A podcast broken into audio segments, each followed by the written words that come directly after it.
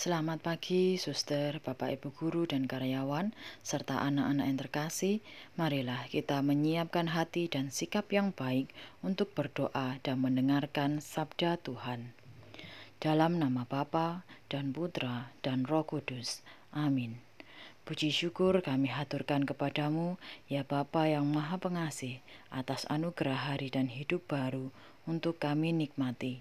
Semoga kami selalu melakukan kehendak dan rencanamu untuk melakukan segala yang baik dan apa pun yang kami lakukan pada hari ini menjadi persembahan terbaik bagimu. Amin. Inilah Injil Yesus Kristus menurut Markus. Dimuliakanlah Tuhan. Lalu Yesus memanggil lagi orang banyak dan berkata kepada mereka, "Kamu semua, dengarkanlah aku dan camkanlah. Apa pun dari luar yang masuk ke dalam seseorang tidak dapat menajiskannya, tetapi apa yang keluar dari seseorang itulah yang menajiskannya.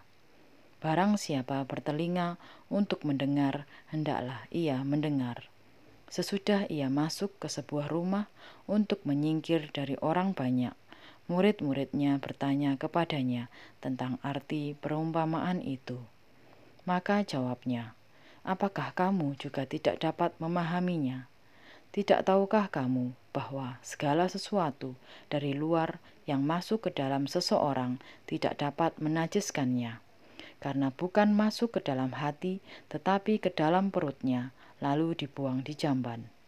Dengan demikian, ia menyatakan semua makanan halal.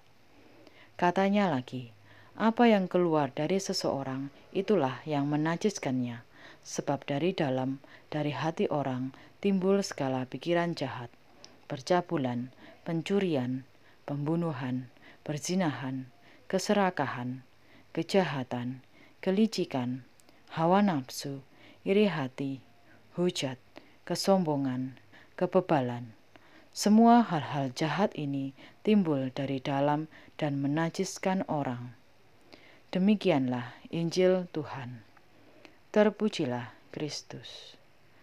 Suster, Bapak, Ibu, dan anak-anak yang terkasih, ayat yang menarik dari Injil hari ini adalah apa yang keluar dari hati orang itulah yang menajiskannya. Sebab dari hati orang timbul segala pikiran jahat, yaitu persinahan, iri hati, keserakahan, kejahatan, kelicikan, hawa nafsu, iri hati, hujat, kesombongan, ke kebebalan. Semua hal-hal jahat ini timbul dari dalam dan menajiskan orang. Semoga setelah mendengarkan Injil hari ini, kita menjadi pribadi yang lebih jujur dan murni hati, konsisten antara apa yang dipikirkan dengan apa yang dikatakan dan diperbuat, serta setia pada apa yang dijanjikan. Marilah kita berdoa. Allah yang Maha Baik, Murnikanlah hati kami agar mampu memandang kebesaran anugerah-anugerahmu. Semoga sepanjang hari ini Engkau memberkati kami, sehingga apa yang kami pikirkan, kami katakan, dan kami perbuat seturut dengan yang Engkau kehendaki. Amin. Dalam nama Bapa dan Putra dan Roh Kudus. Amin.